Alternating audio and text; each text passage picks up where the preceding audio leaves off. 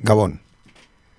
Larun batean, hogeita mezortzi urte bete ziren, otxaiaren hogeita iruko estatu kolpe edo tejerazotik. Guardia Zibil talde batek, Antonio Tejero teniente koronela buruzutela, kongresua hartu zuen. Leopoldo Calvo Sotelo presidente izendatzeko bozkatzen ari zirenean. Hogeita mezortzi urte pasadira, Espainiako kongresura tiro sartu eta tejerok kongresuko aulkitik abajo todo el mundo koño bota zuenetik. Ejertzitoko hainbat buru eta indar ultra eskuindar aspaldik, aspalditik ari ziren giroa berotzen. Otsaiaren hasiera beroa izan zen. Adibidez, Gernikan, herri batasunako legebiltzarkideek Eusko Gudariak abestuz hartu zuten Juan Carlos Lehenengoa, erregea. Eta iskanbila handiak izan ziren ertzaintzaren talde berezien eta HBko parlamentarien artean. Berroziek parlamentariak kanporatu arte. Bestalde, etaren hainbat ekintza ere izan ziren egun haietan. Hainbat kazetariren ikerketen ondoren, jakintzen, kolpearen xedea, Kalbo Soteloren UCD, kendu eta Armada Generala, Espainiako presidente jartzea zela, eta Felipe González presidente orde. Hala ere, ofizialki errelato guztiz desberdina kontatu ziguten. Ilabete batzuk lehenago, Operazion Galaxia, izenez ezagutzen den beste estatu kolpe baten saiakeraren partaide, izan ziren, otxaiaren hogeita iruko protagonista berberak. Orain, demokraziaren salbatzaietzat duten erregea izan omen zen kolpearen buruzagia. Eta Felipe González izan zen beharrezko bazkidea. Paradoxikoki, Guairoren estatu kolpea babestu duten eta Maduro kolpistatzat duten berberak. Hemen hasten da gaur egur. Guten Tag, meine Damen und Herren. C'est la lutte contre le terrorisme. Katea ez da eten. Agirre, garaikoetxea, leizaola. Gaur egur. Gaur egur. Gaur egur. Jolasten eta enredando.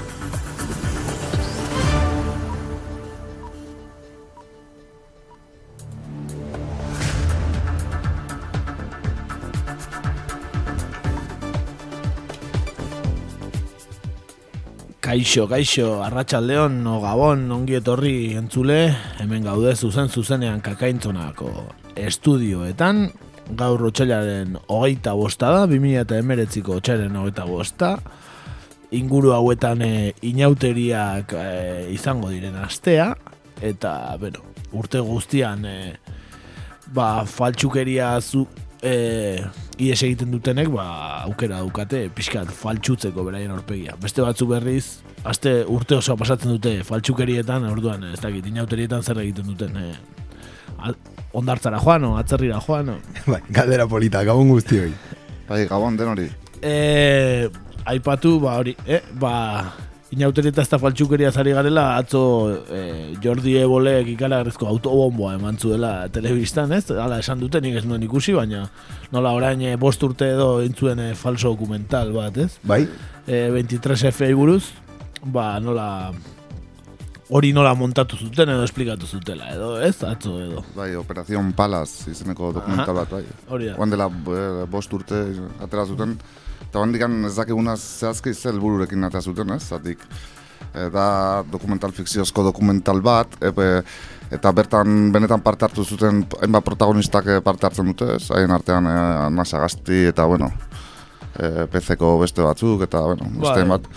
Kontua homentzan uste oroitzen naizenagatik e, e, zera, Jose Luis Garzi zuzendariak, e, zine zuzendariak e, zuzenduta, ba, beste batzuk e, ba, aginduta edo, ba, egintzuela olako trama bat, dana faltsua zen trama bat edo egin zutela. Naiz akoratzen arrazoia zeintzan, baina bueno, danak e, montaje bat zenaren e, kontu bat, ez, egin zuten. Bai, Bai, pixkat ez hori da, ez? Dokumental, fake dokumental horietako bat, ez? Bai, hori moda da, jarri bai, eh, bat, zera ez? entzutena bezala, ez? E, Operación Moon, o nola zanura, e, ez ez zala gira zijotzela ilargira, eta, bueno, badaude hor gehien bat, desberdina badaude. Hori da, bai.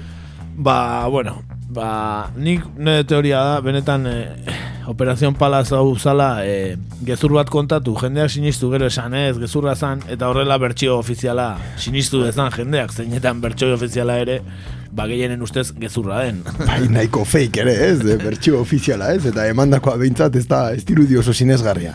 bai, bueno, ba, otxailaren hogeta iru hori e, atzean utziko dugu momentuz, eta agian gero efemeridetan ero hartuko dugu izpide, eta ba, besterik gabe bertan gaur atalera pasatuko gara, gaurkoan elkarrizketa batekin.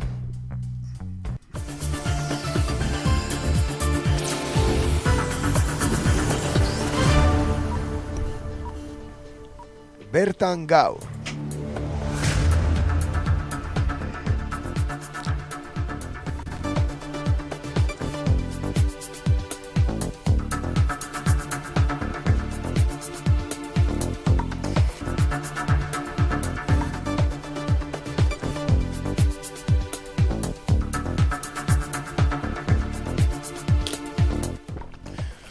Eta martxoaren, eh, zortzia gerturatzen doan eh, enean, ba, bueno, gaur egurren urtero egin ohi dugu moduan, ba, bueno, ez, eh, egun horrek aldarrikatzen duenari, eta eta mai gainean dauden gaiei, ba, bueno, eltzera, eh, eltzera egokitu zaigu aurten ere, Eta, bueno, gaurkoan elkarrizketa batekin, ez? Hasi nahi izan dugu pixkat, ba, bueno, berotze aste hau, ez? Edo aste hauek. Mm?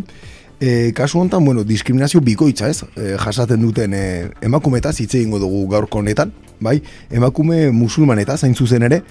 Eta, e, bueno, horretarako, ba, e, jaiar samadi, bai, aktivista feminista elkarrizkatetatuko du gaurko honetan.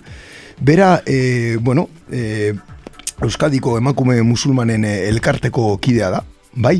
Eta, bueno, ba, berarekin hitz egingo dugu gai guzti hauen eh, inguruan. Bai, ja zuzenan daukagula uste dut. Kaixo, Kaixo, Gabon, eh, ja- jaiar. Gabon. Kaixo, gabon. Bueno, Eh, por empezar por algún lado haremos la, la entrevista en castellano, ¿verdad? Vale, eso no. Eh, vale. Eh, bueno, eh, en un principio, ¿por qué decidisteis crear esta asociación? Bueno, eh, esta asociación se crea en el 2008 pues eh, por diferentes eh, necesidades que íbamos viendo entre las mujeres musulmanas pues que nos que nos juntábamos en aquel momento. Bueno pues cada una eh, bueno mm, pues tenía una problemática diferente y, y muchas cosas en común Eh, bueno, las, las necesidades diferentes que veíamos, bueno, éramos también mujeres musulmanas pues muy diversas, algunas eran vascas, otras de origen extranjero, entonces eso eran un poco las diferencias, esa diversidad que, que, que teníamos. Pero también nos unían, eh, siendo inmigrantes o siendo vascas, nos unían las misma, los mismos estereotipos eh, dentro de la sociedad y, y muchas encontraban dificultades pues para hacer las prácticas, eh, para terminar su formación, para acceder al empleo. Entonces pues decidimos eh, hacer llegar esta realidad a, pues, al resto de la sociedad y, decidimos crear la asociación y ahí llevamos pues 10 años eh, trabajando en este sentido. Y bueno, eh, ¿crees que en la sociedad actual ser musulmana supone una discriminación añadida a la que ya supone el ser mujer, Jayar? Eh, yo creo que sí, porque eres vista de otra etnia como extranjera, siempre se relaciona musulmana con extranjera, aunque no tiene, no tiene por qué. Es difícil muchas veces entender que una mujer musulmana es autóctona, es una mujer de aquí, eh, y aunque fuera inmigrante, que, que son muchas también, muchas mujeres musulmanas son inmigrantes, son de origen de otros países, eh, pero muchas veces eso se asocia a pobreza, a analfabetismo, a poco integrada. Entonces eso es una dificultad más, es una dificultad añadida y que no tienen, pues, se podría decir eh, las mujeres, pues bueno, autóctonas. eh, entonces, bueno, eso, eh, esta dificultad supone eh, dificultad a la hora de acceso a la vivienda, a la hora de buscar un empleo en igualdad de condiciones, eh, al igual pues que otras mujeres eh, del resto de la sociedad. Eh, entonces muchas veces pues lo que pasa es que si pareces menos musulmana, entonces esa discriminación como que disminuye. Y a veces muchas mujeres optan por la estrategia de de ocultar la identidad, de, de presentarse con un hombre pues más cercano, más guay, eh, menos raro, eh, vestir igual, aunque no te sientas cómoda, eh, pues salir un poco, pues eh, hacer un poco las mismas actividades que la gente de aquí, pues un poco en ese sentido. Para, para que seas vista pues como más que estás más integrada a la sociedad aunque bueno no tiene por qué no eh, o sea yo soy de la opinión que, creo que es perfectamente compatible ser musulmana conservar tu identidad y estar totalmente integrada. Pero sí que existe esa discriminación añadida. ¿Y, y en qué ámbitos concretos situarías esa discriminación añadida? Eh, sobre todo lo que estaba comentando antes, ¿no? Eh, pues a la hora de, de acceder a una vivienda, el, el hecho, o sea, los, eh, los, eh, los alquileres muchas veces, pues es difícil simplemente por, por tener un nombre diferente y porque ya saben la- las inmobiliarias que, que bueno que tu origen es extranjero, o sea, no ya ya no ya no es de por sí por tener otra religión diferente, sino que eso se, se relaciona con que eh, con los miedos que tienen los propietarios muchas veces, como que mm, no vas a mostrar una estabilidad económica, es que ya lo dan por hecho muchas veces, o sea, no, a mí me ha pasado personalmente, ¿no? Y yo he ido eh, cuando estaba en la búsqueda de la vivienda, pues mm, dicen, no, es que nosotros vamos a necesitar nómina y tal, sí, pero es que yo estoy trabajando, tengo nómina, tengo contrato, eh, igual que el resto de la sociedad, o sea, no soy diferente, entonces, pero ya de, ya ya se da por hecho como que no como que no estás en ese nivel de socio, o sea, de, de poder pagar el alquiler, etcétera. Entonces ya esos miedos surgen y luego te vienen los de arriba y, y, y, y refuerzan más ese discurso, pues entonces mm, es algo que son barreras que, que hay que seguir trabajando para romper. En cuanto dices de los de arriba, también habría que meter seguramente a los grandes medios de comunicación y ellos también proyectan también algunos partidos políticos e instituciones que a menudo que el papel de la mujer musulmana pues está relegada a un segundo plano, ¿verdad? Por su propia religión, dicen. Eh, ¿Qué opinión te merecen todos estos mensajes seguramente falsos? Eh, bueno, sí, en muchos casos son falsos, en otros casos eh, se podría, si, si, pretendemos investigar y analizar la situación realmente de la mujer musulmana, mmm, teníamos que, tendríamos que ir país por país, cultura por cultura, porque el mundo es muy grande, es muy diverso, los países musulmanes eh, son muy diferentes, no tienen nada que ver Turquía con Irán, ni con Arabia Saudí, ni con Malasia, cada situación es diferente, la mujer palestina pues vive en Palestina y su situación es diferente, entonces, simplificar, decir mujer musulmana, eso ya de por sí sea, es una afirmación que ya es eh, incorrecta. Decir mundo musulmán ya es incorrecto. O sea, no, si, si, si lo decimos a la inversa para entenderlo mejor, nosotros, o sea, no, nunca se habla del mundo cristiano o de la mujer cristiana o de la mujer católica, sea practicante o no. Pero cuando se habla de la mujer musulmana ya damos por hecho de que es practicante, de que pertenece eh, a un país determinado donde, donde eh, el, la ley islámica es la que impera y entonces por eso la mujer musulmana pues está relegada y eso no es correcto, eso, eso son afirmaciones que tenemos que ir corrigiendo. Entonces, simplificar el machismo como si fuera algo propio de la cultura musulmana, yo creo que es muy atrevido, es muy superficial y es muy simplista y no resuelve nada. Eh, de esa manera, estos discursos eh, que vienen, pues, de, que son discursos interesados, porque después de estos discursos siempre o tenemos unas elecciones o tenemos una invasión a un país, eh, entonces ya el discurso de, de deshumanizar, de decir que los otros eh, son, mm, son menos, entonces muchas veces se trata de convencer de que aquí somos más, menos machistas, somos más igualitarios, y entonces en comparación con otras culturas al final eso es lo que se, es, eso es lo que se pretende, ¿no? Que, eh, que que los demás son mm, inferiores y nunca resolver, que es lo que a mí me la verdad que me da mucha rabia, ¿no? Que nunca se trata de resolver los verdaderos problemas de la mujer musulmana, que, que existen y son muchos, pero habría que analizar caso por caso. O sea, yo no estoy diciendo que la situación de la mujer, eh, de las mujeres musulmanas en los diferentes países del mundo sea eh, la más eh, ejemplar, porque existen diferentes factores, pero sí que yo creo que es falso eh, mm, culpar al Islam pues, de los problemas que existen. Y muchas veces pues es una como una tapadera.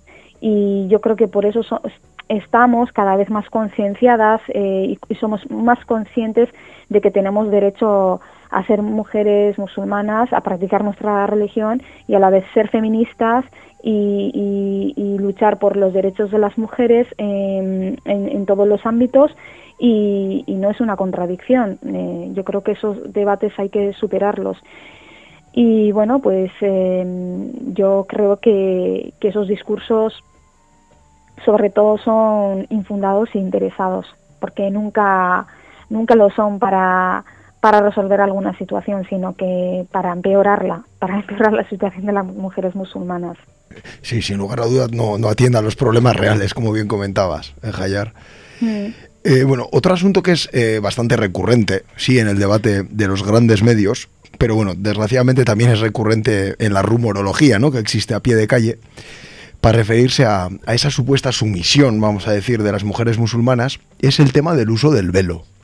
Eh, ¿Qué les dirías a todas y todos aquellos que siguen manteniendo estas ideas preconcebidas sobre el uso del velo, Hayar? Bueno, en primer lugar, eh, eh, aquí la protagonista, la que tiene que hablar, la que tiene que decidir, es la propia mujer que usa ese velo. bueno, la mujer musulmana en este caso, porque velo también usan las monjas, pero eso no, eso no, no molesta a nadie. Pero bueno, eh, las mujeres musulmanas, pues el, uso que, hacen pues de su indumentaria es eh, es eh, algo, pues yo creo que bastante íntimo, no debería de estar en los debates públicos. si nos pusiéramos a debatir sobre cualquier otra prenda, yo creo que se generaría pues mucha polémica sin embargo, con el velo de las mujeres musulmanas parece ser que todo vale y ahí entran pues eh, políticos y grandes medios de comunicación y, bueno, y, todas las opiniones menos el de la mujer musulmana. Yo creo que eh, hay que hay que renovarse. Estas ideas son colonialistas. Eh, con la excusa del velo se han invadido diferentes países. Eh, podemos ver el ejemplo de Argelia, podemos ver el ejemplo de Afganistán. Se nos llenaron las pantallas de burkas antes del 11 de septiembre y se ha, y se ha legitimado mm, diferentes guerras pues por eh, eh, con la excusa de ir a liberar a las mujeres que usan el velo. Cuando vemos la situación actual, las mujeres afganas están peor y además eh, son Afganistán ahora mismo es el país eh, que, o sea, de, que mayor mayor tráfico de drogas tiene. Eh, las mujeres afganas son, o sea, están en peor situación que antes. Entonces, aquí se ven los resultados. ese discurso pues nos salpica también a las mujeres musulmanas que libremente utilizamos eh, el hijab, bueno, cuando veo los hijab, bueno, son sinónimos. Eh, a mí me gusta más utilizar la palabra hijab porque es más eh, propio de las mujeres musulmanas, porque ya, eh, como decía antes, no que velo también utilizan otras mujeres, pero no molesta. Entonces hay que hay que renovarse y, y, tener pues un poco más de apertura y entender, aunque no no, que, no consigamos, eh, yo sé que o sea, una comprensión al 100%, ¿no? No todo el mundo tenemos que entender todo de, de los demás, pero sí que yo creo que debería de haber un respeto y sobre todo dar voz a la propia mujer musulmana y sea ella quien hable y quien decida si quiere llevar o no eh, esta, esta prenda. Sí, y otra mentira extendida es de las ayudas sociales, el RGI, y etcétera. Y como, ¿Cómo veis esta polémica ficticia? Pues esta polémica eh, comienza en un momento determinado que no es casualidad. Yo creo que las casualidades, sobre todo en política, no existen.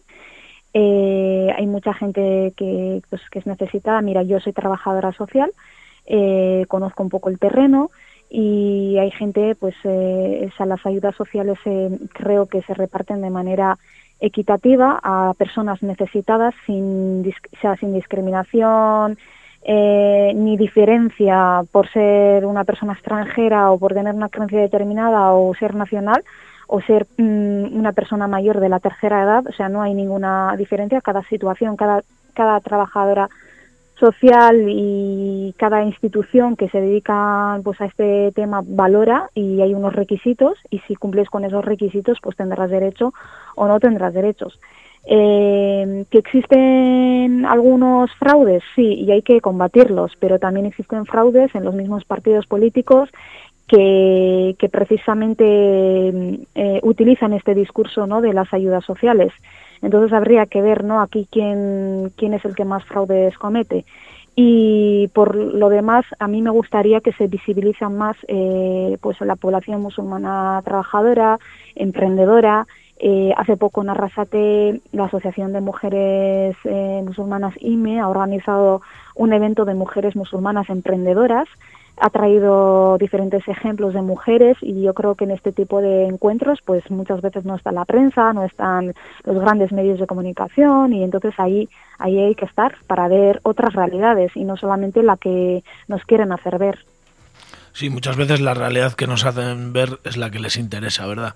Y muchas veces también eh, desde una óptica occidental, ¿no? Y también de un feminismo, vamos a decir, sin contenido que también existe en estos medios de comunicación, ¿no? Es un feminismo más capitalista. Pero yendo a, lo que es el momento actual de las mujeres musulmanas, aunque ya has dicho que no hay que meter a todos en el mismo saco, por, lo menos en qué, en qué momento se encuentran esas asociaciones que hay, por lo menos en Euskal Herria, eh, de mujeres musulmanas? Eh, si hacemos una vista 10 años atrás, eh, existían muy poquitas asociaciones, éramos contadas. Eh, actualmente, en 2019, están en diferentes pueblos están surgiendo diferentes asociaciones. cada asociación nace con unas necesidades determinadas. Hay asociaciones que han nacido simplemente para mejorar el idioma, eh, para mm, poder mm, alcanzar eh, una integración, sobre todo mujeres musulmanas inmigrantes, otras eh, asociaciones que están compuestas con personas, con mujeres que llevan, que tienen otra trayectoria, reivindican, pues, como decía antes, pues eh, más visibilidad en los puestos de trabajo, eh, en los puestos altos, más visibilidad, eh, bueno, intentar visibilizar pues las barreras que supone muchas veces hacer las prácticas en una formación determinada. Y luego hay otras otras asociaciones pues que, mm, que siguen pues la línea de las alianzas con, con, las asociaciones con otras asociaciones feministas, buscar puntos en común. Entonces yo creo que está la situación mucho mejor. Hay muchas asociaciones, pues bueno, que no tienen, que todavía no disponen de los medios suficientes para hacerse ver más, pero sí que sí que tenemos mm, un panorama bastante majo de, asociaciones que están surgiendo y con fuerza. Bien, y bueno, por comentar un poco un tema que está a la orden del día, desgraciadamente sí. Eh, ¿Tú crees que a día de hoy en, en Euskal Herria la, islamofobia está muy extendida? Eh, bueno, eh, la islamofobia se ha extendido a lo largo de Europa en los últimos años. Entonces, Euskal Herria no es una excepción. También le ha salpicado. Pero yo creo que hay menos islamofobia que en otras partes sí que la islamofobia mm, que, existe yo creo que es más infundada, más eh, desde el miedo, más desde mm, los estereotipos, que realmente desde una, desde una mala experiencia con una persona musulmana, por ejemplo, ¿no? Porque al final nuestras relaciones o hacemos cuando nos relacionamos, nos relacionamos con los demás, eh, pues depende de la buena experiencia o de la mala experiencia que tengo con las demás personas de otras culturas, voy a poder construir una opinión. Pero muchas veces esa opinión que se tiene sobre las comunidades musulmanas y los colectivos musulmanes, digo colectivos y no solamente comunidad, porque no, no somos una única comunidad. Dentro de las comunidades musulmanas existen los pakistaníes, los senegaleses, las personas del Magreb, bueno, eh, una ensalada de, culturas. Entonces eh, hay que hay que precisar, o sea, un poco pues todo esto, ¿no? Hay que mm, tener en cuenta todo esto.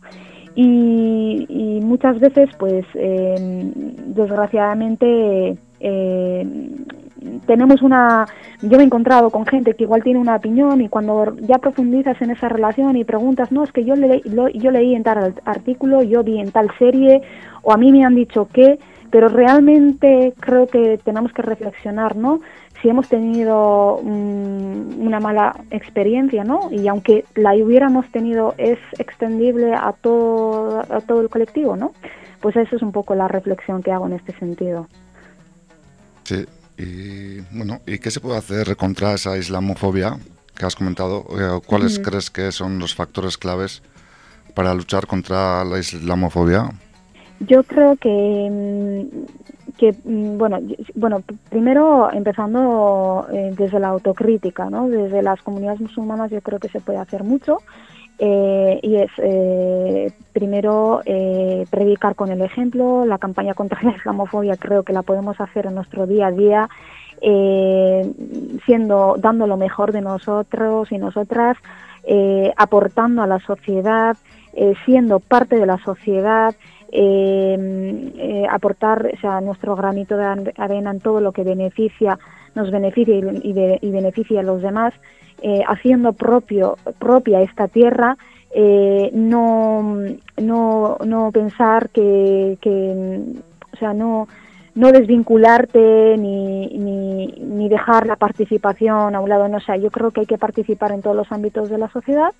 Y por otro lado, eh, la parte que toca pues al resto de la sociedad es para luchar contra la islamofobia, el racismo, los prejuicios, yo creo que es clave el, el acercamiento.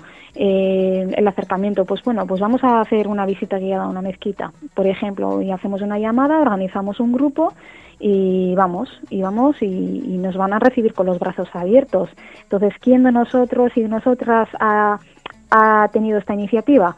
pues muchas veces se echan en falta, ¿no? Entonces yo creo que es una de las maneras de, luchar contra esos propios prejuicios, em, eh, el tema de las alianzas, el tener, eh, participar en medios de comunicación eh, alternativos, como por ejemplo el vuestro, ¿no? Em, crear contradiscurso y, y, y real, o sea, visibilizar casos reales para, para poder hacer algo contra ese, contra ese auge islamófobo infundado que, que está que está recorriendo pues diferentes sectores de, Europa, ¿no?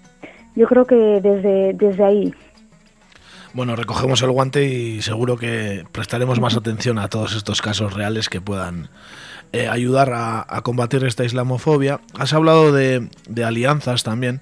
Tal vez una de las más importantes pueda ser la alianza entre diferentes eh, feministas o grupos feministas de diverso ámbito, ¿no? Y con ese enfoque, pues tal, tal vez ahora que llega dentro de dos semanas, el 8 de marzo, pues esa huelga feminista que está convocada, ¿qué, sensaciones tienes ante todo esto? Yo la verdad que mm, creo que esa huelga feminista es una huelga de, todo, de todas y, y ahí pues mm, no hay diferencia entre mujeres musulmanas negras, vascas, porque las mujeres tenemos en común el patriarcado que, nos invisibiliza y nos deja de lado a todas las mujeres sin excepción, algunas más que otras, eh, depende en qué posición estés y en qué situación estés. Entonces, pues bueno, eh, a mí yo, yo creo que, hay que unirse a este tipo de luchas y es, buen momento pues para, para generar eh, confianza, alianzas y, remar en el mismo barco porque al final todas estamos en ese mismo barco y cuanto antes pues lo entendamos pues mejor. Y lo único pues a mí a veces pues sobre todo las campañas publicitarias de la huelga feminista pues suelo echar de menos un poco pues eh, eh, la representación de la mujer musulmana. Bueno yo lo digo por la parte que, que me toca no pero pero yo creo que cuanto cuantas más nos unamos y cuantas más propuestas hagamos pues eh, mayor será esa publicidad y esa difusión y, sobre todo lo que nos importa son los resultados sin duda alguna Bueno, Jayar, hemos dado eh, bueno, una buena vuelta eh, al tema, eh, de- en el caso de las mujeres, pero también en otros temas que, de los que hemos querido preguntarte. Eh, no sé si tienes algo que añadir. No, lo único daros eh, las gracias por darme esta oportunidad, ¿no? Porque muchas veces eh, desde pues nuestros colectivos no tenemos el micrófono así al alcance, no los altavoces no solo no los solemos tener, pero pero bueno, daros las gracias por por darnos esta oportunidad de, de poder aportar pues mi, mi granito de arena. Muchísimas gracias, que ricasco. Bueno, es Bueno. que ricasco a ti, Jayar. Eso sí, es. Y siempre, siempre bienvenida eh, en nuestra radio y en nuestro programa para lo que sea. Es que Exactamente, muchísimas gracias que no tenemos muchas veces la voz de una mujer y de una mujer en general y de una mujer musulmana, así que muchísimas gracias y estaremos pendientes para cualquier otra ocasión. Vale, ikusiarte. Venga, a ver. Ni esker, Jayar, urrengo arte. Bai, agur.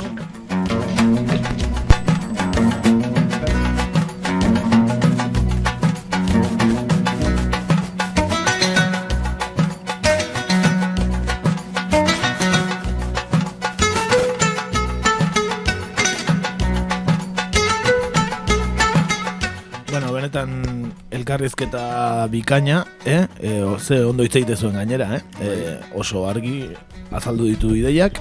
Zalantza, zalantzarako tarte gutxi ustita, ez da? Eta benetan ba, ba hori xe behar degula ez aliantzak eta benetan ondo elkar ezagutu zeren e, ba, agian Europako beste toki batzuetan e, ba, belaunaldi gehiago daude etorkin mota batzuk hemen agian denbora gutxiagoz baina ja da denbora asko daramate eta gehienak oso integratuta daude beraz agian e, batzutan e, bertakoei e, ikuspegia aldatzea tokatzen zaigu ez Dudari gabe eta eta lehenik eta behin, ez? Ja eh, asumitzea eta eta argi eukitzea, ba bueno, ez? Ja bigarren generazio batzu eta zari garela, ez? Ja ez da kanpotik etorritako jendea gara baita hirugarrenak ere, eh? Baita hirugarrenak ere, hori, hori da, bai. Orduan, bueno, ez? Ba, kanpotaren diskurtso horrek eh, bueno, inoiz, eh, baliorik eduki ez duena, ba, areta gutxiago dauka gaur egun, ez? Bai, eta gainera ba, Euskal Herrian e, aspaldiko hamarka askotan jaso ditugula etorkinak, eh? Bai, Iberiar penintxula bertatik, bai, atzerriagotik. Eta, bueno, ba, bada garaia gauzak ikasten joateko, eta eta ez alderantziz. Hoxe, eta ez dira gutxi ere, ez? Euska, eh, bueno, beraien kulturarekin, ez? Kanpora joan diren euskaldunak ere. ez? Noski, noski, bai, bai, bueno, eta, eta zenbat mendetatikan, eh, zenbat aldiz aipatze ditugun eh, Ego Ameriketan, eh, zenbat Euskala eh, jatorri dagoen, ez? Hori da, bai, bai.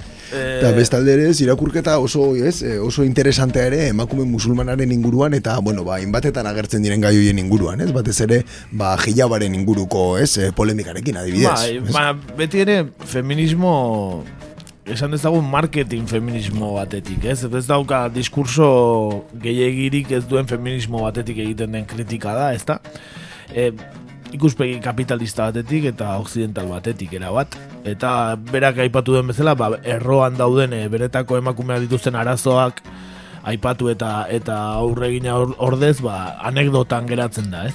Bai, eta baita beak garbi du baita, nola askotan nazte ditugun gauza kulturalak, ez, e, islamarekin o kontu horiekin, ez, e, garbi du, ez, e, Marokoko emakume bat, o Iraneko bat, o Turkiar bat, edo Pakistandar bat, edo, bueno, ez, e, ez daukela zer ikusi kultura bakoitzak bestearekin, eta ba, bat dala Pakistandarra lehenengo izango, ez, e, guk daukela e, beti zaku berdinean sartzeko zea hori, ez? Ohitura hori, Ohitura bai. hori, eta... Eta berak ere esan du, inoiz ez dala esaten emakume katolikoak edo, ez naiz eta izan praktikanteak edo, ez, ez? Agian eh, konparatuko agintuztegu eh, polakoekin, edo alemanekin, edo bretoiekin, edo inglesekin esango genuke, ez ez, gu beste herrialde bagera, desberdina gara, bueno, baz, behaiek ere ez daku berdinetan sartzen bagaituzte, berdina pentsa dezakete, guk egiten dugu berdina egin dezakete, ez? Dudari gabe, ez? Inorke luko elako egingo, baina bestalde batetik badago jendea, ez? Ba, Marokoko pertsona bat Indonesian bizidan pertsona baten zaku berean sartzen dituenak, ez? Bai, eta begira hola tokia, eh? Aluzinantea dirudi, baina horrela da, ez? Kolonialismoaren subkultura hori, Edo, bertako musulman bat, ez? Duari gabe. Edo Euskaldun bat, ez? Baita zaku berdean sartzeko zea dago, ez? Bai, hori da, baita bertan jaio den eh, musulman bat ere, bai. Bertan jaio den, eh, bera bat integratuta dago. Askoetan euskera hitz egiten du, eh, beste integratu hartzen ditugun batzuk egiten ez dutena, adibidez. Gabe. eta, ba, hori xe, benetan eh, errealitatera begiratu behar degula eta aurreiritzi guztiak albo batera utzi. bada garai eta, badago, badago lan oraindik desgaziz. Mhm. Honekin gogoratu hori martxoa potente etorriko dela, e, greba feministarekin eta abar, e, urte guztian egiten dutela, baina bueno, martxoan e, izaten dute puntu gorenetako bat eta bueno, ba adi adi izango gara urrengo irratsaioetan ere, ba seguruenik gaia etorriko delako. Oraingoan e, beste ikuspegi batetik emana izan dugu, berriz ere eskerri beroenak jaiarri eta aukiko dugu beraren berri espero dugu etorkizunean ere. E, gaiarekin amaitzeko, ba, bestitxo bat ekarri dugu, e, ez dugu, ez, go, ez gea joan ez Afrikara, ez Asiara, estatu batu eta ara joan gara, ba, bertako ba, emakume afroamerikarren erreferentzia nagusietako bat, ez da, Nina Simone, hau txikaragarria, eta gainera abesti, bueno, ba, letra feminista ugari dituen eh, Nina Simone, oraingoan ekarri dugu I got no, I got life. Eta hemen zuentzako Nina Simone.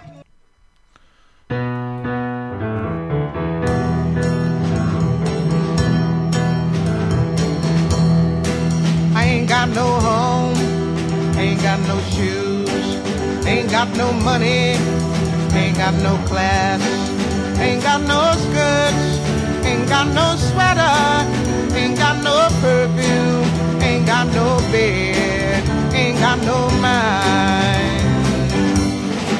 Ain't got no mother, ain't got no culture, ain't got no friends, ain't got no schooling, ain't got no love, ain't got no name,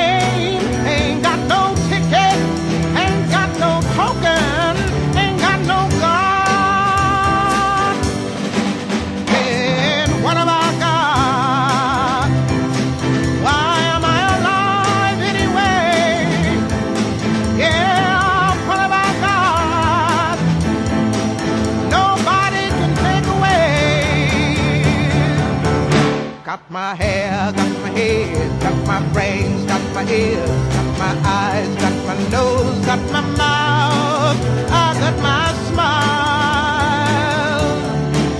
I got my tongue, got my chin, got my neck, got my boobs, got my heart, got my soul, got my back,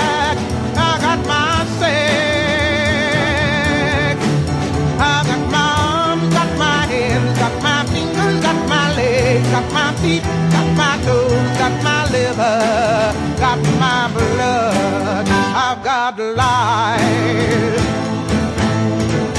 I got my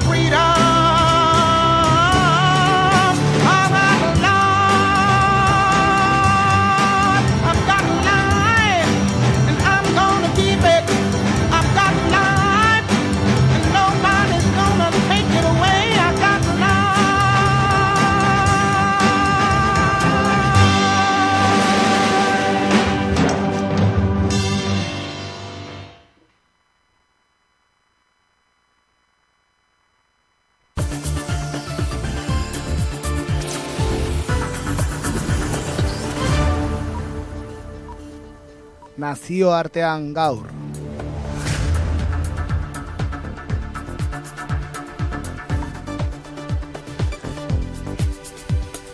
Eta nazioartean gaur eh, nora joango gara, ba? Bueno, ba, gaur Mexiko aldera joango gara, Chiapasera, zehazki, zerren eta gaur ogeita bosturte, bueno, gaur ez, orain ogeita bosturte, urtarrian ogeita bosturte, izan zen e, altxamendu zapatista ardatik ez, e, Chiapaseko oianetik e, iraultzaile talde hori irten zenetik ez. E, komentatu genuen, noen dela gutxi efemeridetan, eta, bueno, gaur e, pixka sakanduko dugu. Eta azteko, e, zap, e, zapatisten matxina zertan izan zen pixka eta aipatuko dugu, ez? Eta nazio askapanerako armada zapatista, ez eta helen izenez ezaguna, txiapaseko talde iraultzaile armatua da. Eta naiz eta gehien bat indigenez osatua egon, erakundeak bere buruak kapitalismoaren aurkako mugimendu zabalago baten zati ikusten du. Jakingo de zuen bezala, taldearen izena Emiliano Zapata iraultzailearen gatik dator, eta inde, imperialismoaren barkatu aurkako bosteun urteko resistentziaren oinordeko gisa, ikusten dute beren burua ba ez eta LN-eko kidek. Tzotzil, Tzeltal, Tojolabal, Txol eta Lakandon indiarrez osatua dago bereziki, Eta larogeita malautik, Marko subkomandantea izenaz ezagutzen den buruzagiaren zuzendara itzapean izan da.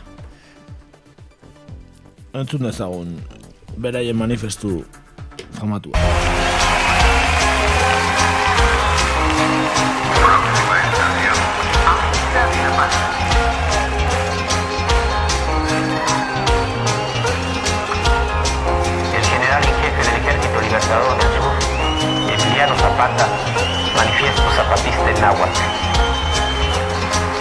Al pueblo de México, a los pueblos y gobiernos del mundo. Hermanos, nosotros nacimos de la noche, en ella vivimos, moriremos en ella. Pero la luz será mañana para los más, para todos aquellos que hoy lloran la noche, para quienes se niega el día, para todos la luz, para todos todo. Nuestra lucha es por hacernos escuchar y el mal gobierno grita soberbia y tapa con cañones sus oídos. Nuestra lucha es por un trabajo justo y digno y el mal gobierno compra y vende cuerpos y vergüenzas. Nuestra lucha es por la vida y el mal gobierno oferta muerte como futuro. Nuestra lucha es por la justicia y el mal gobierno se llena de criminales y asesinos. Nuestra lucha es por la paz y el mal gobierno anuncia guerra y destrucción. Techo, tierra, trabajo, pan, salud, educación, independencia, democracia, libertad. Estas fueron nuestras demandas en la larga noche de los 500 años. Estas son hoy nuestras exigencias.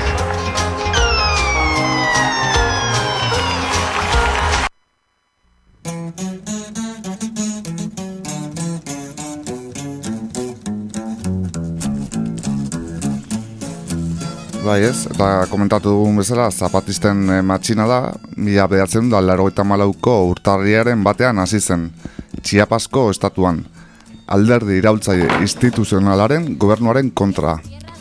Egun hartan, Mexiko Ipar Amerikako merkataritza libreko itunean sartzen zela baliaturik. Zapatistak matxinatzera bultzatu zituen arrazoien artean, honako hauek aipa daitezke. Herrialde osoko indiarren eta nekazarien txirotasuna, indiarrei kendutako lurren jabetza berreskuratzeko aldarrikapena, eta aberastasunaren banaketa zuzenago bat, eta Mexikoko etniek, estatuaren eta errepublikaren organizazioan parte hartzeko eskubidea izate aldarrikatzea, Mexikon bizi diren etnia guztien kultura ezaugarriak onartuak eta aintzat hartuak izan zitezen. Vino el rico y lo partió. Todo mi maíz se llevó, Naiz eta baliabide naturaletan Chiapas den Mexikoko estaturik aberatsenetako bat, petroleoa, zurak, meak eta nekazaritzarako lurre emankorrak ditu, gizarte sektoren arteko gorabeherek eta desberdintasunak era ere beste inon baino handiagoak dira Chiapasen. Oraindik ere, estatuko antolakuntza soziopolitikoa antzinako egitura autoria, autoritario latifundistetan oinarritzen delako. Eta hala, zapatisten armadak, zenbait udalerri hartu zituelarik, gobernuak, Mexikoko armada federaleko soldaduak bidali zituen haiei aurre egitera.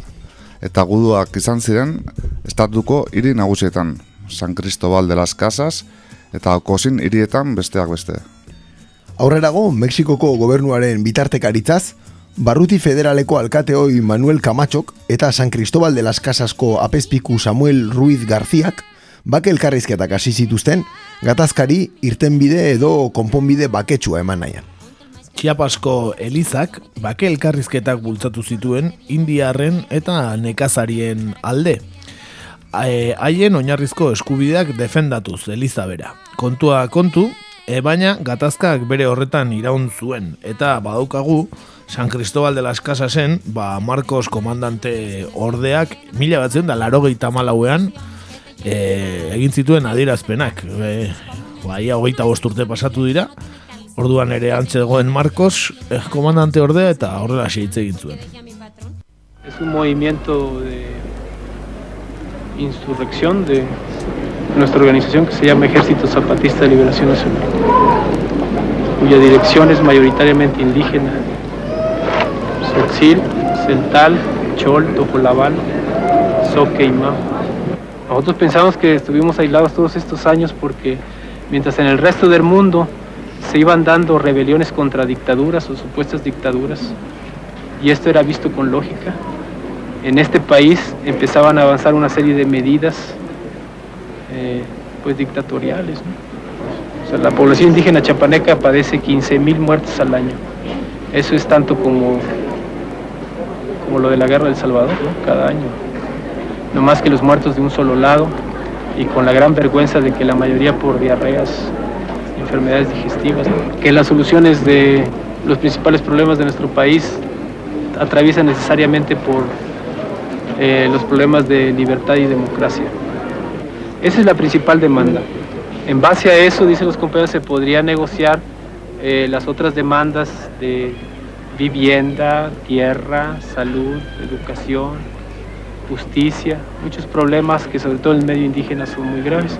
Pero sobre la demanda de libertad y democracia se está haciendo el llamado a toda la República Mexicana y a todos los sectores sociales que se alcen junto con nosotros, no necesariamente con las armas, sino con lo que puede cada uno según su, su medio en el que se desempeña. No, no hay una, en el movimiento, en la Organización Ejército Zapatista de Liberación Nacional, una ideología perfectamente definida, sin el sentido clásico del, marxismo-leninismo, del socialcomunismo, del castrismo. Pues. Hay más bien una, un punto común de enlace para los problemas, los grandes problemas nacionales, que para un sector u otro coinciden siempre en el de falta de libertad y falta de democracia. Del comité directivo, el comité clandestino revolucionario, que es el que da las órdenes, cuando ellos consideren que se cumplió la, el objetivo pues, de esta toma, ordenarán la retirada, pero no es su propósito mantenerse en la ciudad. Las causas que originan este movimiento son justas, son reales. En todo caso podrán cuestionar el camino que se eligió, pero nunca las causas.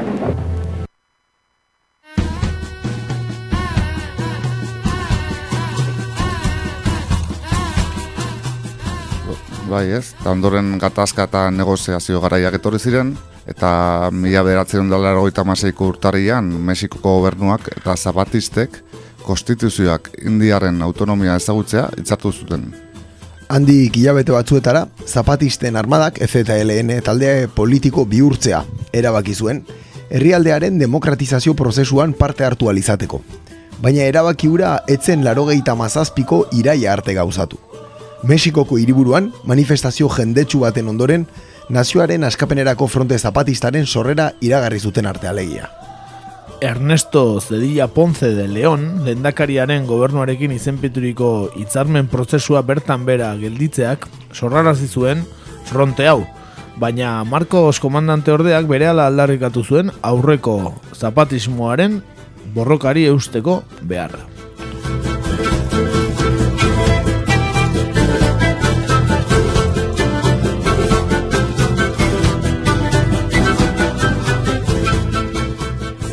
Eta mila bedatzen da lara goita mazazpiko abenduaren ogoita bian, talde paramilitar batek eunka nekazari hil zituen akteal herrian, txiapasen, eta zapatiste kontrolatzen zuten eremutik e, hurbil izan zen. Zedillo lendakariak negoziazio prozesua azkartzeko agindu eman zuen, eta kargutik kendu zuen barne ministro. Bien bitartean baina, Mexikoko gudela usteak eh, zapatisten kuartel nagusia inguratu zuen lakandonako oianean, baina ez zuten lortu Marco su komandantea atxilotzerik. Eta mila bederatzen da lara mezortzian, Julio Cesar Santiago Díaz generala atxilotu zuten aktealko sarraskian parte hartu izanaz akusa, akusaturik. Haren mendeko armadak erasotu laguntza eskaini ez izanaz hain zuzen.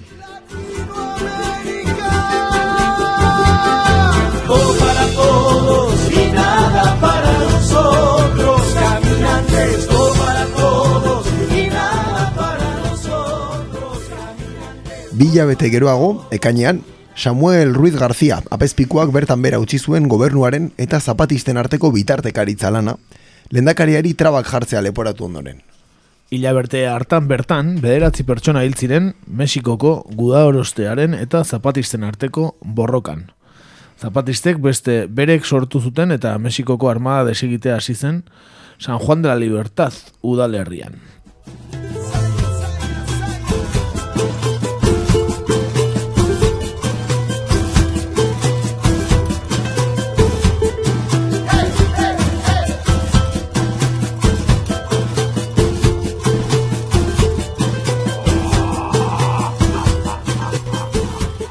Eta zapatista guztiak eh, garrantzitsuak badira ere eta Marcos azpikomandanteak ez ez esango badu ere ba, bera da mugimendu honen eh, ikur nagusia bintzat mundu mailan, ez da? Beraz ezagutu ezagun pixka gehiago zein den azpikomandante kargua hartu zuen eh, Marcos.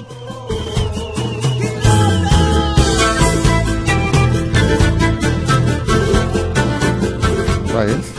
Eta azte gota ben pixkat eh, komentuko dugu e, izena, azpi komandante izena, beak eh, jarri zion bere buruari, ez? Eta elkarsketa batean nola esan zuen, ez? Eta galdetu zuen zer gaitik azpi komandante izena, ez? Zaik hori ejertzituetan eta ez da, ez da existitzen, ez? Eta esan zuen ez, ni herriaren azpitik nago, eta herria da nire ganetik dagona. Eta bea, no, herriaren mandat, mandatuan dagoenez, ba horreitik azpi komandante izen hori, ez? Mhm. Eta Marcos Azpi komandantea, Askapen Nazionaleko Armada Zapatistako bozera maien nagusia da. Eta ez buruzagia, askotan uste den bezala. Bai, buruzagia ez da, e, da bozera mailea. Ez? Gero daude komandante ezberdinako generalako, ez da nola ditzen dian bere buruei. Beak lan publikoa egiten du, ez? Modu atera esaterako, bai, ez? hori da, hori da.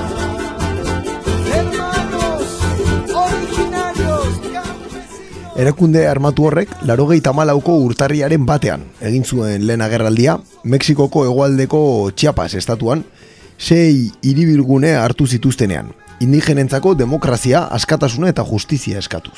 Gobernu mexikarrak Marcos, benetan, Rafael Sebastián Guillén Vicente, maizu hoia dela dio, eh, gobernu mexikarrak, baina berak beti ukatu izan du eh, hori bera denik.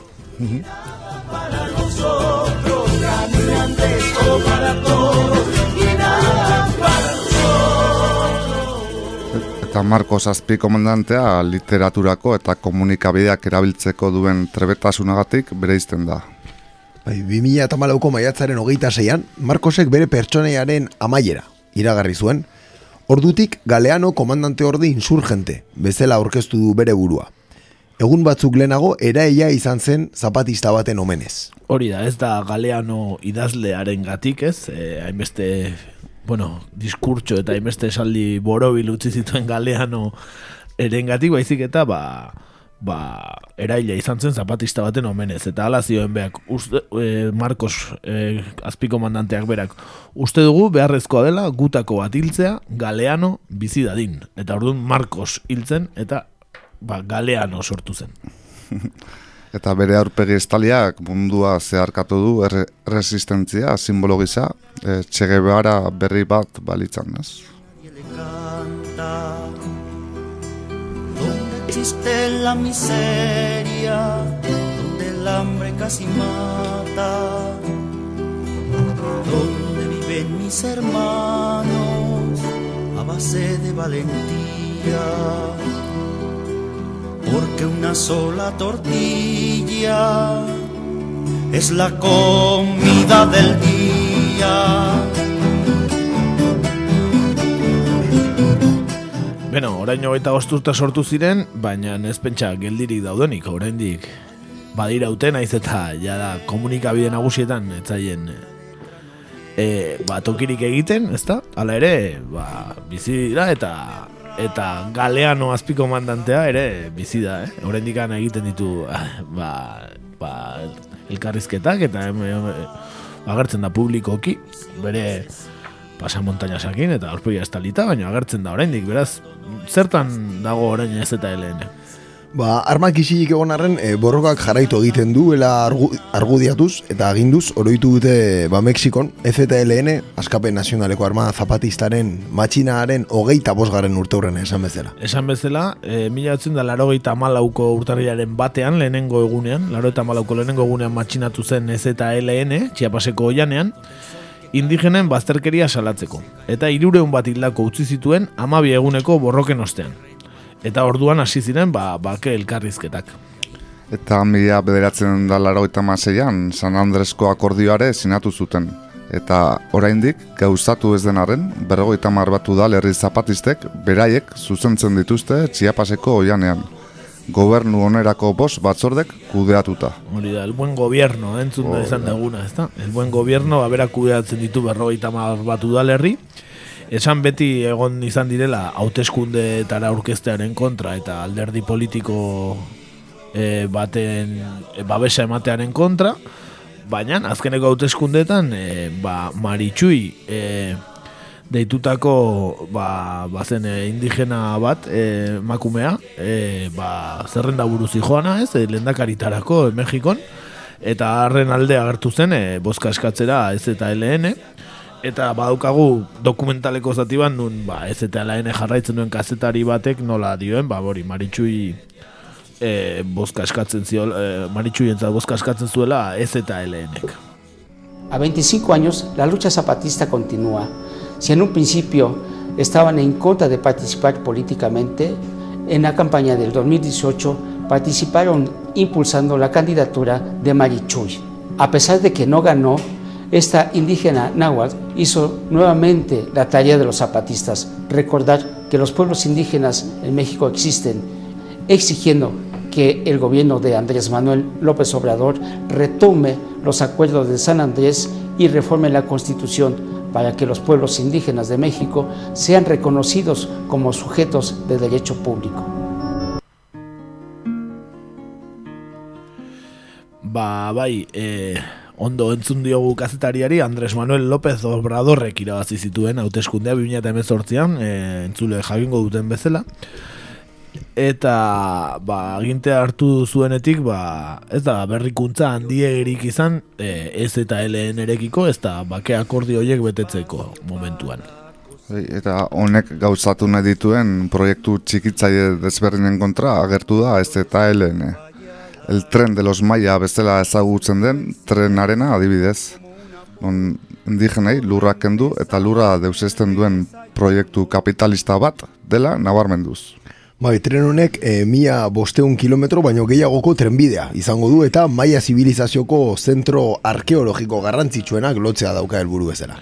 Bertan ba, Cancún, Tulum, Kalamul, Palenque eta Txitzen hitza bezalako herrien garapen turistikoa oraindik eta gehiago albiduetuko du ba, tren laster honek. Eta lau urtetan amaitzea aurre ikusten da eta 6 mila eta sortzi mila milioi dolar arteko kostua izango du.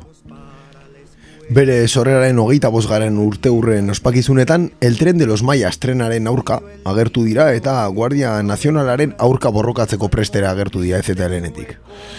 E, beraz, a- e, EZLN aurka agertu da eta baita ba, herrialde desberdinetako zazpireun intelektual baino gehiago ere, el tren de los Maya honen aurka agertu da manifestu batean eta EZLN-eren alde. Bai idazleak, bai filosofoak eta bar, e, ba, baude Europakoak, baita Argentinakoak, e, Kolombiakoak, Venezuelakoak, bueno, Ego Amerika guztikoak eta eta abar eta abar. Eta ez eta eren hogeita bosgarren urte hurrena ba, gora ipatzeko edo egin zuten e, ospakizun edo agerraldian ba, ko, azpiko mandante, galeano azpiko mandanteak, ez, lehen e, Marcos zenak, ez, ez gaitezen nahaztu gehiagi, eh? bai, bai, azpiko claro. mandante Marcosek berak, ba, ba horrelaxe esaten zien, e, ba bai Andres Manuel López Obradorri edo gobernuari edo ejertzitoari berari. vamos a enfrentar, no vamos a permitir que pase aquí. Ese es su proyecto de destrucción. No le tenemos miedo a su Guardia Nacional, que lo cambió de nombre para no decir ejército, que son los mismos. Lo sabemos. Vamos a defender lo que hemos construido y que lo estamos demostrándole al pueblo de México y al mundo que somos nosotros los que estamos construyendo, mujeres y hombres. No vamos a permitir a que vengan a destruirnos. ¿O sí? No, no estamos, eh. Hor potente, eh? Horrela xe, bai. bai, eta López Obradorek e, bere burua eta bere gobernua pizkat garbitzearen, e, palenkerrian amalurari baimena askatzeko ekitaldi bat egin zuen, ez? Zapatistei antzerki hutsa iruti zitzaien ekimenura. Bai, ez, bak ba, han, eh, bueno, naiz eta kristautasuna ere ondo errotuta goen, ba, badukate beste erabateko sinismena, ez, e, lurrarekin, ama lurrarekin, apatxa mama eta guzti hori, ez da? Bueno, ba, obradorrek egin zuen, e, olako paripe bat, e, ama lurrari, ba, permisoa eskatzen ziola, tren hau, e, eraikitzeko, ez da, bueno, ba, jakin, pentsatuko ez ez eta LNek zer uste zuen guzti horretaz, eta entzun dezagun, aurreratzi zuet, bete ala txingada esaten diola. Eso es lo que está haciendo ese señor. A nosotros no lo creemos. Solo porque la madre tierra no habla. Si no se lo dijera, chinga tu madre. Porque la tierra no habla. Si fuera no, vete a la chingada. ¡Muera el mal gobierno! ¡Muera el capitalismo! ¡Vive el Ejército Zapatista de Liberación Nacional! Bueno, ba, hortxe, eh? Benetan, eh, erantzun, eh, ba, ez, ez oso diplomatikoa. Baina borobila, eh? bai, hori bai. El mar los vieron llegar. Mis hermanos emplumados eran los hombres barbados de la profecía esperada. Andrés Manuel López Obradorek ala ere ez du eztabaian sartu nahi eta, bueno, ba, momentuz ez die erantzun txarrik eman, ez da? Ez, paz y amor eta horrelakoak entzun dizkiogu, entzun dezagun. Hemen dugu Andrés Manuel López Obrador. No vamos nosotros a enfrentarnos a ningún grupo. Nosotros queremos la paz y la reconciliación. Pueden haber diferencias, las hay, pero eso no significa que eh, se vaya a caer en una confrontación o en un pleito aunque quieran este, confrontarnos, no va a haber respuesta. Amor y paz. Amor y paz. Eh, eh, zenbat urte izango dira hipismoa hasi zela, ez dakigu. Hemen iritsi da, ez da? López Obradorri orain iritsi zaio. Hoxe bera. Ikusiko dugu, eh, amorri paz dagoen trena eraikitzen hasiko direnean, ez, eh, lurradoietan. Bai, bai, beste behin ere, eh, trena, eh, ba, Ez baian, gat- bai. gatazka iturri, hemen ere ala izan da, edo da oraindik ere, eta han ere bai, eta pentsadoan, eh, ba, benetan eh, gune natural bikaina dela, oian handiekin, eta ba, maien, eh, ba, ba, Behaiek bizimodua bertan ateratzen dutela, ez? Bai, eta beraiek bertan bizi dira, eta, bueno, Eta altxor arkeologiko handia gaude maienak eta bar, baina bueno, ba, turismoaren indarra, ezta? Eta danak batu tren azkar batekin eta eta turista galde batetik moitu eta diru hauz dezatela. Zet uste diru hori ba, lurra lantzen duten eta indigenentzako joango denik. Ez, ez da hasieran komentatutako proposito guzti horientzat izango denik, ez da? Ez da ere, ez da ere. Un mundo nuevo sin fronteras, sin patrón. Voy en pos de un mundo nuevo sin fronteras, sin patrón. Cuidaré las herramientas y con ellas Ez eta helen eta zamaitzeko ekarri dugu anekdota gixara esan dezagun, ba, Euskal Herriarekin ere izan zuela gatazkatxoa azpiko mandante Markosek, e, gehien bat e, e, Euskadi erakundearekin, ba, ni jagaztuta neukan, e, aipatu genuen arte, eta benetan, e, bueno, ba, guazen e, gogoratzera berriro, ez, kontu hau. Si seguimos separados nunca habrá revolución.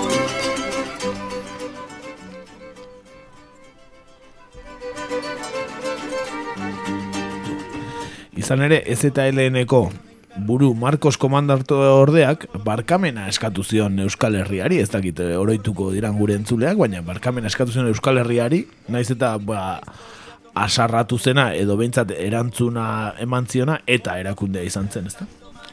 Bai, eta ez eta helen e, nazio askaperen erako armada zapatistako buru Marcos komandante ordeak, barkamena eskatu zion Euskal Herriari, arabako alabedi irratian, bidalitako mezu baten bitartez.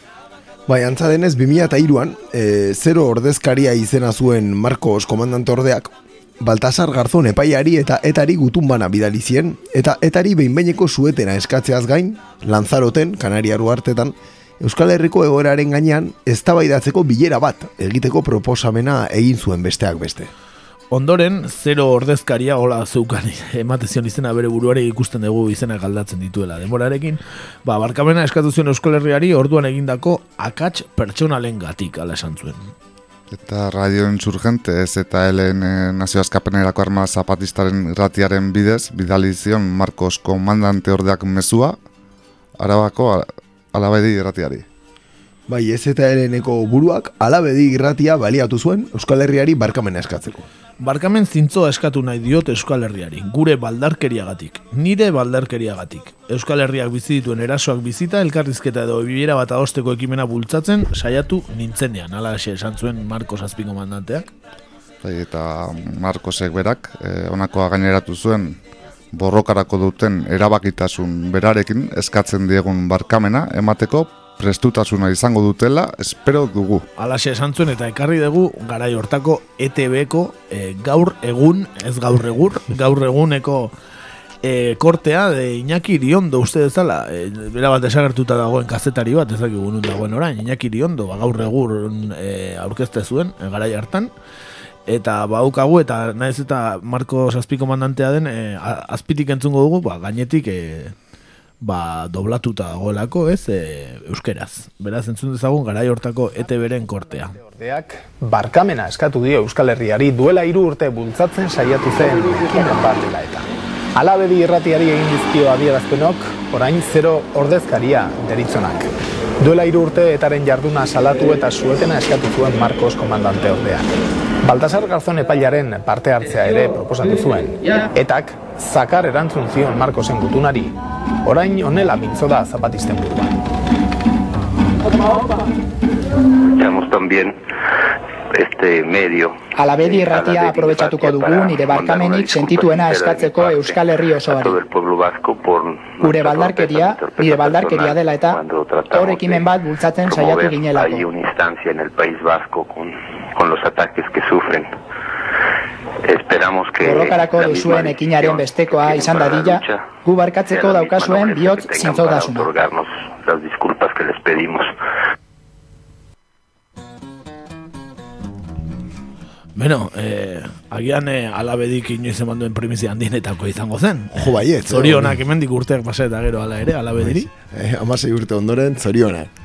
Eh, ba, gutxi gehiago aipatzeko eh, ez eta leheneri buruz, eta, ba, ez dakit, eh, labur-laburrean, ba, hori, eh, borrokan jarraitzen dutela, ez ez entzuten lehen bezain beste, baina eh, ziurre lehen bezain besteko lanak hartzen dituztela. Bai, ze Mexikoko egoera, ego, dakigunez, ez da asko betu, ez? Esatekotan txarrera ingo zuen, ez? Egitekotan. Desde luego, eta ez... Bai, bai, eta garbi ikusten ez eta orain López Obrador bera e, boterera iritsi, ba, zapatistek beraiek izan dute ba, ba gogorengo diotela baita, ez? E, Obradoren gobernuari, ez? Bai, az, azkenean, eh, bai, eh, obrador ezkertiar eh, da edo, baina hor gertatzen dena da, ba, metropoliak eta indigenen arteko gatazkak berdin jarraitzen duela gobernuan edo zein egon da ere.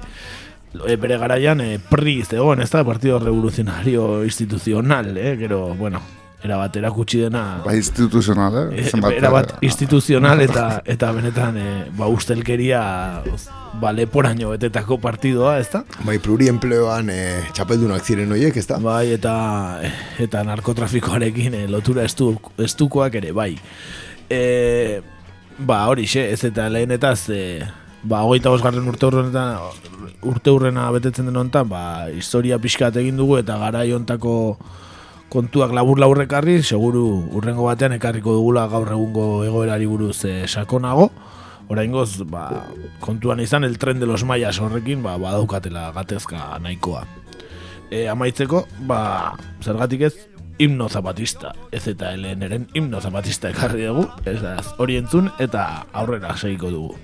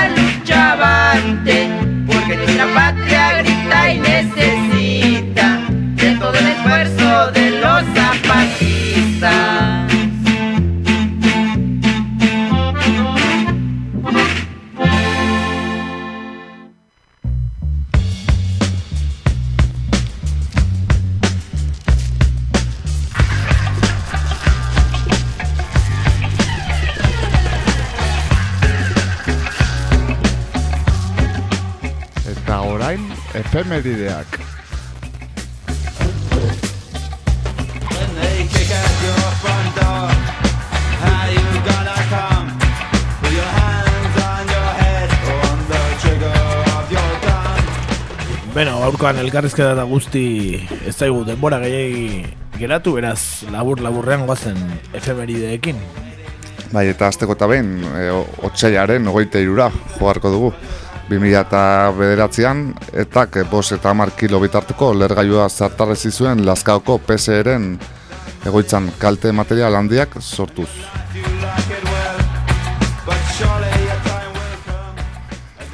eta otxaiaren hogeita iruan, baina mila sortzireun da berrogeita malauan, orantz estatu askeak independentzia aldarrekatu zuen.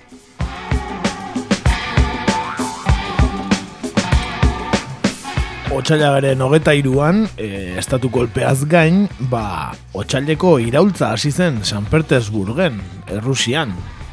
Mila, mila bederatzerun da mazazpian, eh? Benetan iraultza historikoa.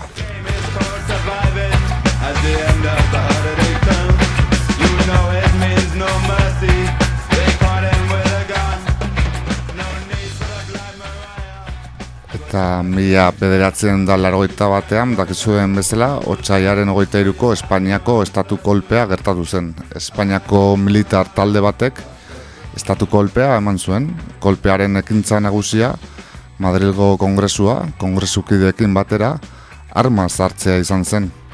Eta kongresua, Guardia Zibil talde batek hartu zuen, Antonio Tejero teniente koronela buru zutela. Kolpeak, egon ezin handia sortarazi zuen otxaiaren hogeita irutik hogeita laurako gauean, eta Juan Carlos lehenengoaren interbentzioaren ondoren, kolpeak porrot egin zuen. Kongresukideak otxaiaren hogeita lauko goizean geratu ziren aske, Guardia Zibilen errendizioarekin batera. Bueno, benetan, eh, denok ikusi ditugun irudiak, ezta? Eta, beno, ba...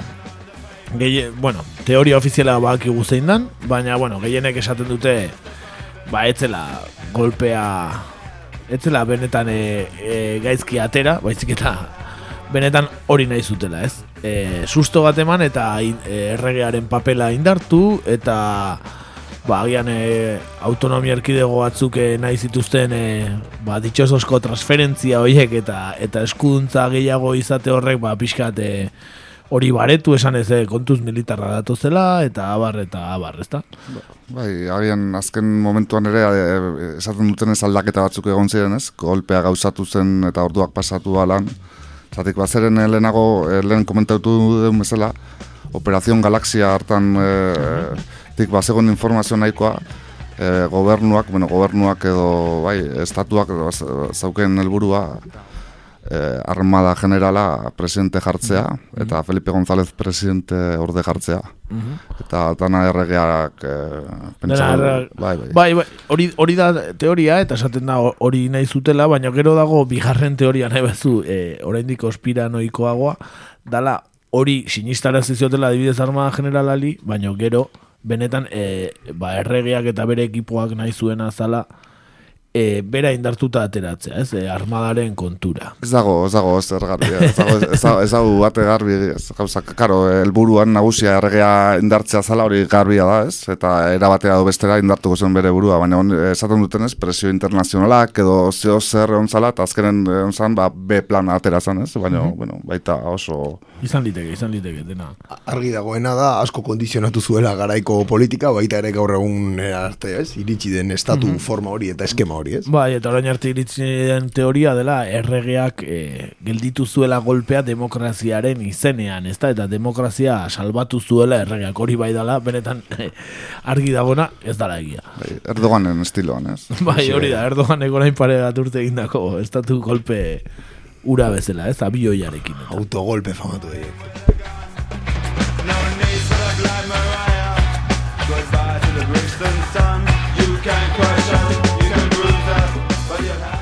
Eta otxaiaren hogeita lauan, irurogeita emezortzian, bai mila bederatzerun da irurogeita emezortzian, etak Manuel Lemos noia udaltzaina hil zuen Bilbon.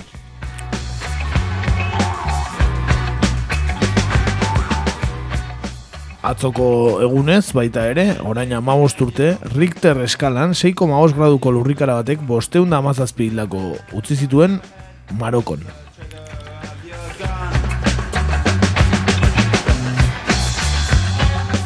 Eta atzoko egunez baita, baina 2008an, Kubako parlamentuak, herri boterearen nazio asambladak, Raúl Castro Kubako presidente izendatu zuen.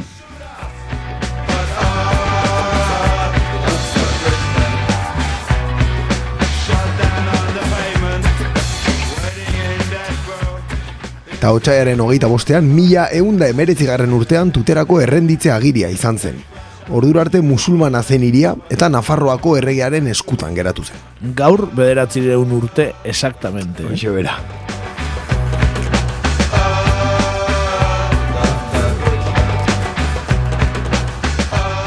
Mila bederatzen da laro lauean, gaurko egunez, frankotiratzaile batek Eugenio Gutierrez Salazar Tigre eta kidea hil zuen e, idauze hemendin.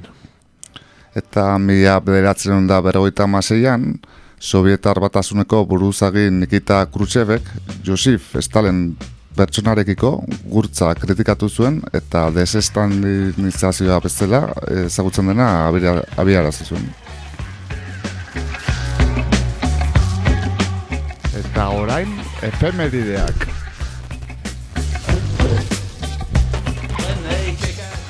Otsaaren hogeita zeian, mila zortzireun da bosten, Napoleon Bonapartek erbestetik ies egin zuen, elba uartetik entzuzen ere.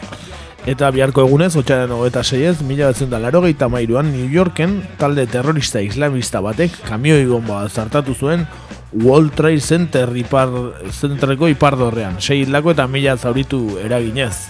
Hortik e, urte batzuetara, ba, World Trade Center ba, gigu nola bukatu zen, ezta? Eta kamioi gabe. Eta kamioi gabe, e, egan egite zuen kamioiekin, ez?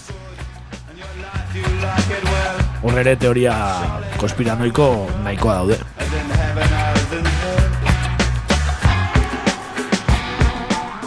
Eta otxaiaren hogeita zazpian, baina mila bederatzen dagoita mairuan, Alemaniako parlamentuari reiztagi zu eman zioten. Adolf Hitlerrek eskuide zibil eta demokratikoak ezabatzeko aitzak iatzat erabali zuen gerta eraura. Agian George Bushek eh, World Trade Center erabili zuen aitzaki antzekoa, ez da?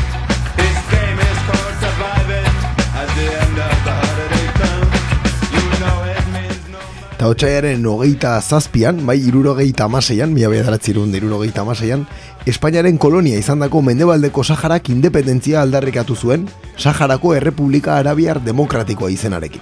Eta horrein di gaude. Jo, baiet.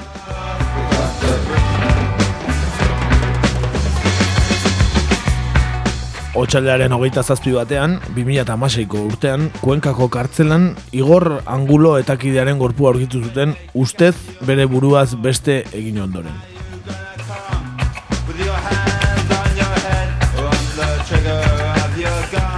Eta otsailaren hogeita zortzean, baina mila bostuen dagoita bostean, Hernán Cortesek, Kualtemok buruzagi azteka esekutatzea agindu zuen.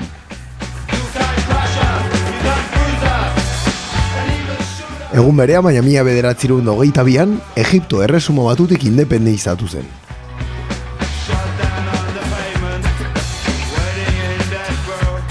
Otsailaren hogeita zortzian, mila betzen da laro zeian, Olof Palme, suediako lehen ministroa eta alderdi sozialdemokrataren buruzagia hil zuten Estokolmen.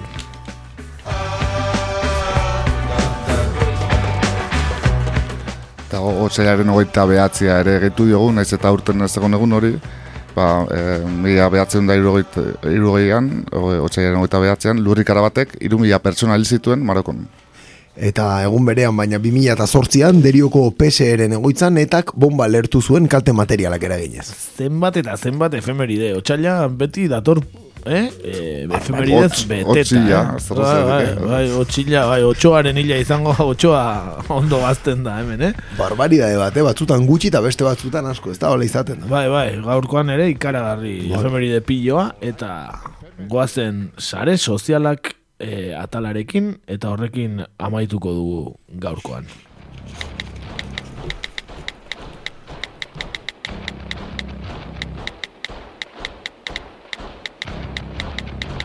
Und das deutsche Volk ein!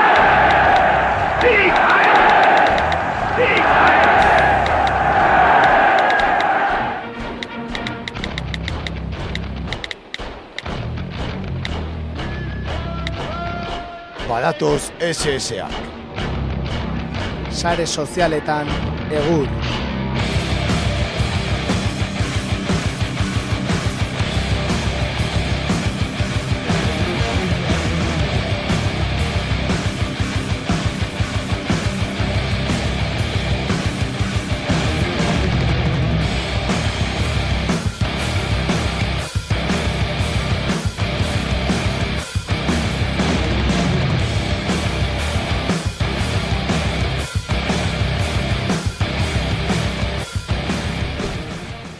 Bena, guazen labur-labur, sare sozialekin.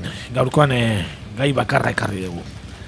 Izan ere, ba, ertzainak aurreko ertzaintzak aurreko ostirara ondoriztatu zuen, ondarribiko amute paduratik aske zebilen gabongo suge gorriaren albistea gezurra zela.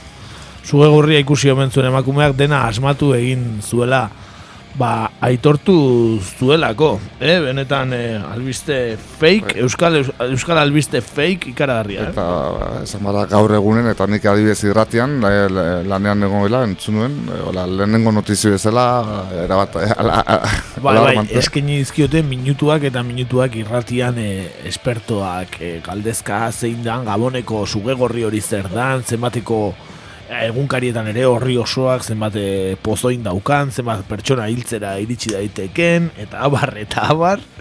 Bueno, ba, dana gezurra zan, eh? dana gezurra zan. Egia esan, ikaragarria. Barbaria, bai, bai, bai, izan da, e, ez, e, eguraldia ez dagoenean, ze ona egin du azken bi aste, aste hauetan, ez, sugearen etorri da, como al pelo, ez da? Perfecto, adibidez, Bai. horregatixe e, idatzi du e, berrian e, bakizu ez aldi eroak ateratzen duen binetan, ba horrela esan zuen, e, antxoen badago zati bat azken antxoak, elkarrizketak egiten ditula azken antxoak, ba, azken antxoaren elkarrizketa saioan sugea. Eta galdetu dio antxoak, ondarribiko sugea, gabon, gabon, bai. Udako sugea izan zarela esan genezake ez, ba, udako abestia eta ez dela, udako sugea. Eta esan dio, bai, neguko udako sugea zehazki. ez, bai. Bai, bai. Ja, esan, ba, horixe ez, e, uda garaiak da jozkigu hemen e, negu betean, ez, da dirudien ez, azken garaietan, eta zertaz hitz egin ez daukaten ez, ba, ba, ondarribiko suge gorria, eta gero gaina zer eta gezurra zen. Benetan ikaragarria. Ekarri ditugu geixeago, adibidez, Beranok esan du Twitterren, os hago un resumen de la falsa noticia de la víbora vista en Ondarribi. Alerta en la zona porque alguien ha visto una bo- víbora de Gabón. Eh, guioi, elkarrizketa. Putos inmigrantes que nos traen sus mierdas. Se descubre que todo era una broma. Putos bromistas que juegan con nuestra xenofobia. Ona, eh, oso ona, oso ona. Ona. Eta eh, aipatu bezala ETBen bastanteko eh, denbora eh, eman zaio kontu guzti honi, ez? Bai, bai, bai. Eh, eta esaten zuen eta ikusi nun nik ere zuzenean esaten gau eh, teleberriko aurkezlea Etxeberria, Juan Carlos Bai, Etxeberria. bai, bai. Esaten ba ba, bueno, beraiek ez zutela sustatu eta gezurra zala eta bueno, ez, e, beraiek ez zutela sustatu eta esaten du Ju- Julian Robles, dice el teleberri que la culpa de difundir que había una víbora en Ondarribia en- es de las redes sociales que ellos se dedican a la cría de gusanos de seda. Ekarri dugu zatitxo bat, eh, adibide gisa, ba, Claudioren eh, ba, atxaletako programa nazkagarri hontan, ba, nola eskaini zioten zati bat ere. Hablando de lo que ocurrió con el bulo de la víbora en Ondarribía. El dispositivo de seguridad rápidamente actuó al tener noticia de la posibilidad de que en alguna zona de Ondarribia estuviese una de las víboras más peligrosas y letales. Indica Etsaide Arrachaldeón. Finalmente no había tal víbora de Gabón aquí en Ondarribia y todo se trataba de una broma pesada, muy pesada, entre dos amigas. Una broma que se les fue de las manos hasta que finalmente esta mañana la autora ha terminado por, por, eh, por decir que era efectivamente una broma, por confesar. Eh, vamos a poneros en situación. Todo comenzaba el miércoles cuando estas dos amigas... Bueno, eta horrela jarraitzen zuen, eh? eh bueno, ba, ETBek ikaragarrizko jartzuna eman dio kontuari eta bain gezurra izan denen, ba, ez, esare sozialen gatik da, eta abar, eta abar. Bai, ti- ti- bai, horrelako, eh. titularak irekiz, eh? Ostegunean, atxaldean titularak eh, irekitzen zituzen albistorekin. Ez, Bai, bai. ez gezurtatzeko ez Bai, ertzaintza kriston pankarta egin zuen gaboneko suge hoietako batekin, no? Rondarrebiko baia baten jarrita. Bai, bai, baina bau jendea, bai, bai, bau jendea askoz gehiago izorratu diola gezurra zela jakiteak, e, e, e, benetan zuegorri horian egoteak baino. Ikaragarria izan da. Eta adibidez, eh, Chris baten ekarri dugu, hay que estar muy necesitada de atención para lanzarle un bulo sobre una víbora en Ondarribia. A la cárcel con ella y que pague los gastos. igual, igual er- ironiak indoa, ez dakigu, eh? Krisek ez du jarri ironia zenik edo ez. Baina egia esan, ertzaintzak esan du, ba, ba, izun potolo bat etor dakio que la beitu, entzun ezagun ertzaintza. En su momento, cuando estuvo en dependencias policiales que le requerimos para que estuvieran y ratificara, digamos, lo, lo que estaba manifestando en Policía Municipal, pues siguió para adelante, no, no paró el, el tema, le dimos credibilidad. Inicialmente las diligencias que se están instruyendo son eh, de naturaleza penal, porque ha habido una movilización de recursos muy importante y bueno, es digamos que la, la- la percepción de seguridad y la seguridad misma pues se ha visto comprometida. De naturaleza penal, eh? Bueno, ba, simulo, simulakro bezala bentzet, balio izan dira, da. Bai, ala dirudi, ala dirudi. Eh, benetan, ikaragarria, simulakro bezala erabili dezakete, baina bueno, ba, broma bat, eh, sare sozialetan edatu da, ertzainetak ere, ba, baiezkotasuna eman zion hasiera batean, eh, albistegi guztietan Bai, eman bai. diote oi hartzuna, nola... Hor, Nik ikusi nituen irudietan arantza, arantzadikoak eta... Bai, bai. Eta gero noski, nola tertuliak besterik ez dauzkaten e, telebistan eh, gaur egun, ba, ba tertulietan ere ze, ze politagoa hitz egiteko, ba, ondarribiko zuge gorria baino. Eta titularra la víbora de Ondarribi. Hori da. Oso hola gehatzen, eh? Imaginatu hauek o- Bestelako zuge gorri batzuk ezautze ditu ondarribin, eh? Aixe, bera. Agian, eh, alarde tradizionalean txapelo gorriak indijotzen batzuk eta abar. Eta plastiko beltzera biltzen duten, eh? Zuge beltzekoak. gorri horiek. Oie, bai, zuge gorriak. Ba, eh, aipatu, ez dugu oraindik eh, txioa bidali eh, sare sozialetan, Twitterren, aipatu lehengo astekoa bukatu dela eta Andorrak irabazi duela. Esan genuen, a ber, Manuel Balsek Bartzelonako udaletxetako hauteskundetan emaitza txarrak atera ezkero, ba, zein herrialdetan egingo ote zuen urrengo saiakera politikoki jarraitzeko. Bueno, ba, euneko berrogeta zeiarekin Andorrak irabazi du, eh? Gure entzulek badakite zerbait. Ba, Eh, ko- kontuak edukiko ditu lehenagotik eta, bueno, erre, Bai. erreza izango zaio berta Bai. integratzea. Kontuak ondo eginda izango ditu, eh? Kontua, kontu, azkenen Andorrara. Andorrara, horixe. Bueno, ba gaurkoan eh, A edo B, ez ditugu lau aukera jarriko. A ber, zuentzat zein den gezur handiagoa. Ondarribiko zuegorriarena edo hogeta iru F-ko bertsio ofiziala, ez? E, Otxailan hogeta iruko estatu kolpearen bertsio ofiziala. Zein da zuentzako gezur handiagoa? Ondarribiko zuegorria edo 23F bertsio ofiziala. Hemen txedoa, gure inkesta bidalita, eta ba, erantzuteko ba, aste oso duzue. E, esan bezala. Eta eta besterik gabe e, hauek ziren e, genuzkan guztiak, gaurkoan ez daukagu Winston birakatxa ez da beste inor. E, aipatu bolo-bolo dabilela orain sare sozialetan ere, ba, azken aldian ba, e, albiste asko Venezuelari buruz, ez da azte honetan ez dugu ekarri Venezuela beti zingo gara Venezuela eta zitze egiten ari, baina ba, Venezuelako ba, ba, gizue, mugan egon diren kontu guzti hauek eta abar, bueno, ba, saretan ere badabil, e, neri oraintxe iritsi zait, e, WhatsApp bat, esanez, ba, ba, komunikabide asko erabiltzen ari diren argazkiak, kamioiak e, muga blokeatzen, ba, 2008ko argazkia dela. eta ikusten dela Kolombiako aldea oraindik autobidea egin gabe dagola. Eta eta orduan ba ez dela oraingoa 2016koa dela, beraz, bueno, beti bezala e, komunikabideak e, irudizarrak ondo aprobetxatzen. ezta? Jo, Eta horrek honen ari da eta amaitzeko e, ba, eman dituzten kontu guzti hauetaz gain, ba, bueno, agian gehien hitz egitenko gehien emandunetako bat Miguel Bosé izan da, ez da, nola matzun kontzertua Venezuelan. Bueno, ba, beste olako eh, elkarrizketa moduko batean Dani Bordase jarri du. Soy Miguel Bosé y estoy loquísimo con lo de Venezuela. Anuncio que mandaré a mis propios hijos a combatir si fuera necesario. Eta beste batek esaten dio. Pero Miguel, puede, puede que mueran. Dan. Ba, me compraré más. me compraré más, ba, gizue... Zera, subrogada kontu guzti honekin eta ez Miguel Bosek hola izan zituen pare bat seme edo ez dakitzen bat. Bueno, gustatu zait hori ere. Miguel Boserentzako eh, ba, zaplastiko bikaina. Eta momentuz, ba, nire partetik besterik ez, eh? Ordu eta hogeta mairu minutu egin ditugu gaurkoan, eh, elkarrizketa eta guzti, bueno, eh, irratxaio mardula.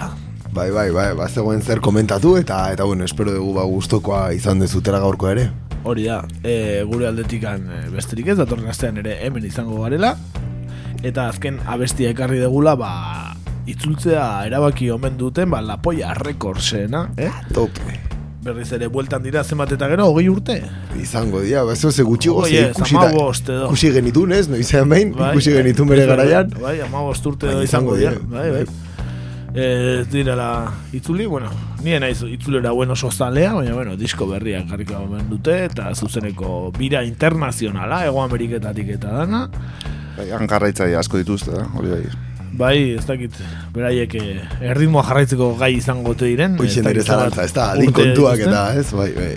Baina, beno, ba, horixe, ba, lapoia abesti mitiko asko dauzka, eta ekarri dugu bat, otro militar, eh? Beraz, eh, abesti Bai, garai hauetako egokia, eh. oso oso egokia, Jo, eta oso laburra, beraz, eh, zuentzako lapoia rekordsen otro militar, otro golpe de estado, eh? Ba, oso oso egokia garai hauetarako, beraz, beraiekin uste zaituztegu eta datorren astera arte. Hori da, gaizto gizan bitarten. Ah, gabon, astona pasa.